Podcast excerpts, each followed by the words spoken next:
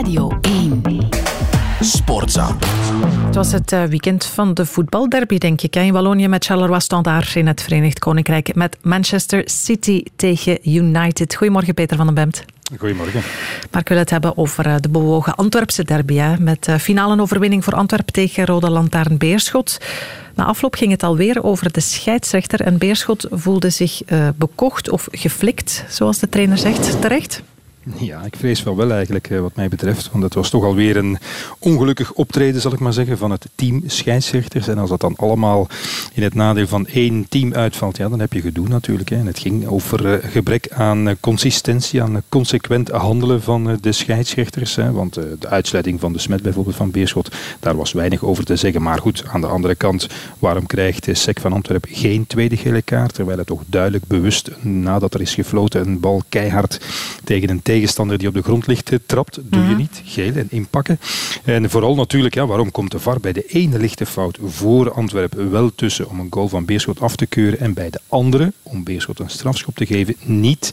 En de VAR kan dan zeggen, ja, ik kon dat contact tussen de doelman en de speler Sebawi niet duidelijk zien, maar dat is gewoon onzin. En dan heb je toch als scheidsrechtersteam, zal ik maar zeggen, te veel invloed gehad op het resultaat en dan heb je een, een slechte beurt gemaakt. En soms kan je fouten maken als scheidsrechter die menselijk zijn en waar je begrip kan voor opbrengen. Maar hier is dat eigenlijk niet het geval. En zo geraakt de rest eh, ondergesneeuwd. Eh, dat de sfeer geweldig was bijvoorbeeld, gelukkig maar. Want dat de match heel matig was. Het voetbal heel slap. Hm. Eigenlijk van de twee kanten groot gebrek aan kwaliteit. Met een paar uitzonderingen wel. Hè. Zoals ik net heb gezegd, die jonge Sebawi.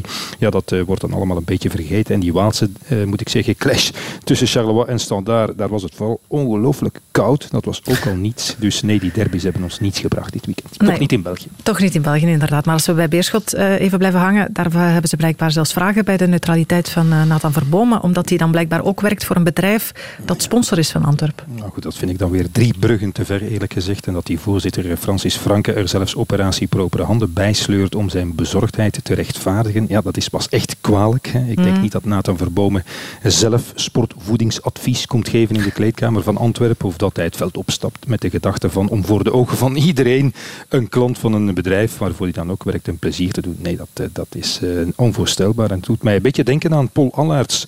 Uh, lang geleden, bij wie, wanneer hij toevallig een wedstrijd van Club Brugge floot en daar fouten maakte in het voordeel van Club Brugge in het uh, pre-VAR-tijdperk, ook meteen de link werd gelegd tussen zijn werkgever Dexia en Club Brugge, dat dan een tijd gesponsord is geweest door, door Dexia. Ja, dan houdt het op natuurlijk. En het is bijzonder kwalijk, vind ik, in alle ernst, dat een clubvoorzitter de integriteit van de ref in vraag stelt. Hij mag kritiek hebben, meneer Franke, want hij heeft gelijk met zijn uh, kritiek, maar geen insinuaties. Mm. En trouwens, hij moet boos zijn op de VAR. Want die heeft die Nathan Verbomen ja. de ene keer wel en de andere keer niet naar het scherm geroepen. Dus de verantwoordelijkheid ligt daar. En ik zou toch zeggen, in plaats van zijn energie te stoppen de komende dagen in een eventueel onderzoek naar de integriteit van de, de scheidsrechter, kan hij zich maar beter afvragen waarom zijn ploeg, die zo kan strijden zoals gisteren op de Bosuil, laatste staat, afgetekend laatste en straks degradeert. Dat lijkt mij nuttiger.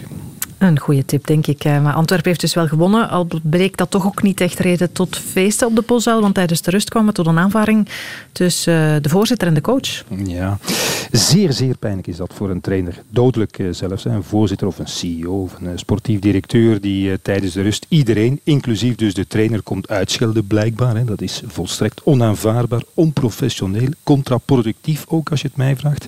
Tenzij Paul Gijsens denkt dat zijn demarche voor een ommekeer heeft gezorgd. Natuurlijk ook. En pas op, Gijsens staat in ons voetbal uh, lang niet alleen met dat soort uh, fratsen. Er is een tijd geleden nog eens een CEO van een topclub uh, aan de rust ook al een keer zijn ongenoegen komen uiten. En we kennen allemaal het verhaal van Mark Koeken, maar die heeft intussen al lang uit zijn fouten geleerd. Paul Gijsens blijkbaar nog niet. Ook na de wedstrijd tegen Sint-Truiden was hij al gaan roepen. En dat hij gisteren een paar keer tijdens de eerste helft in beeld kwam met een glas wijn in de hand, dat helpt de perceptie natuurlijk ook al niet. En ik moet zeggen, chapeau wel voor de coach Brian Priske dat hij de confrontatie met zijn baas is aangegaan. Hij weet wat daar de gevolgen van kunnen zijn, dat ja. hij zijn spelers heeft verdedigd. Maar ja, zo ontstaat er natuurlijk wel een, een onwerkbare situatie situatie, als een conflict tussen de trainer en, en de grote baas, de eigenaar uh, van de club, zo openlijk op straat ligt en de baas dan blijkbaar ook roept uh, waar iedereen bij is, hij gaat eruit, ja, dan is er geen weg terug, zou ik zeggen. Tenzij, tenzij uh, de voorzitter vandaag een evaluatie maakt, los van de emoties gisteren mm. en in overleg met zijn bekwame en verstandige en nuchtere rechterhand Sven Jaak bekijkt wat de problemen zijn. En die zijn er bij Antwerpen, ook al hebben ze heel veel punten, staan ze bovenaan prima geclasseerd mee in de top 4. Want die eerste helft, dat Paul is gelijk, die was op een goede start na heel erg slecht, onbegrijpelijk in een belangrijke wedstrijd. En dan moet hij zich afvragen, samen met Sven Jaak, of uh, de coach in deze context die problemen kan oplossen, op de korte of lange termijn. En of een andere trainer op de korte termijn, zondag is het tegen Anderlecht, zoveel beter gaat presteren mm -hmm. met dit Antwerp, dat weet ik nog zo niet. En wie gaat dat dan wel zijn?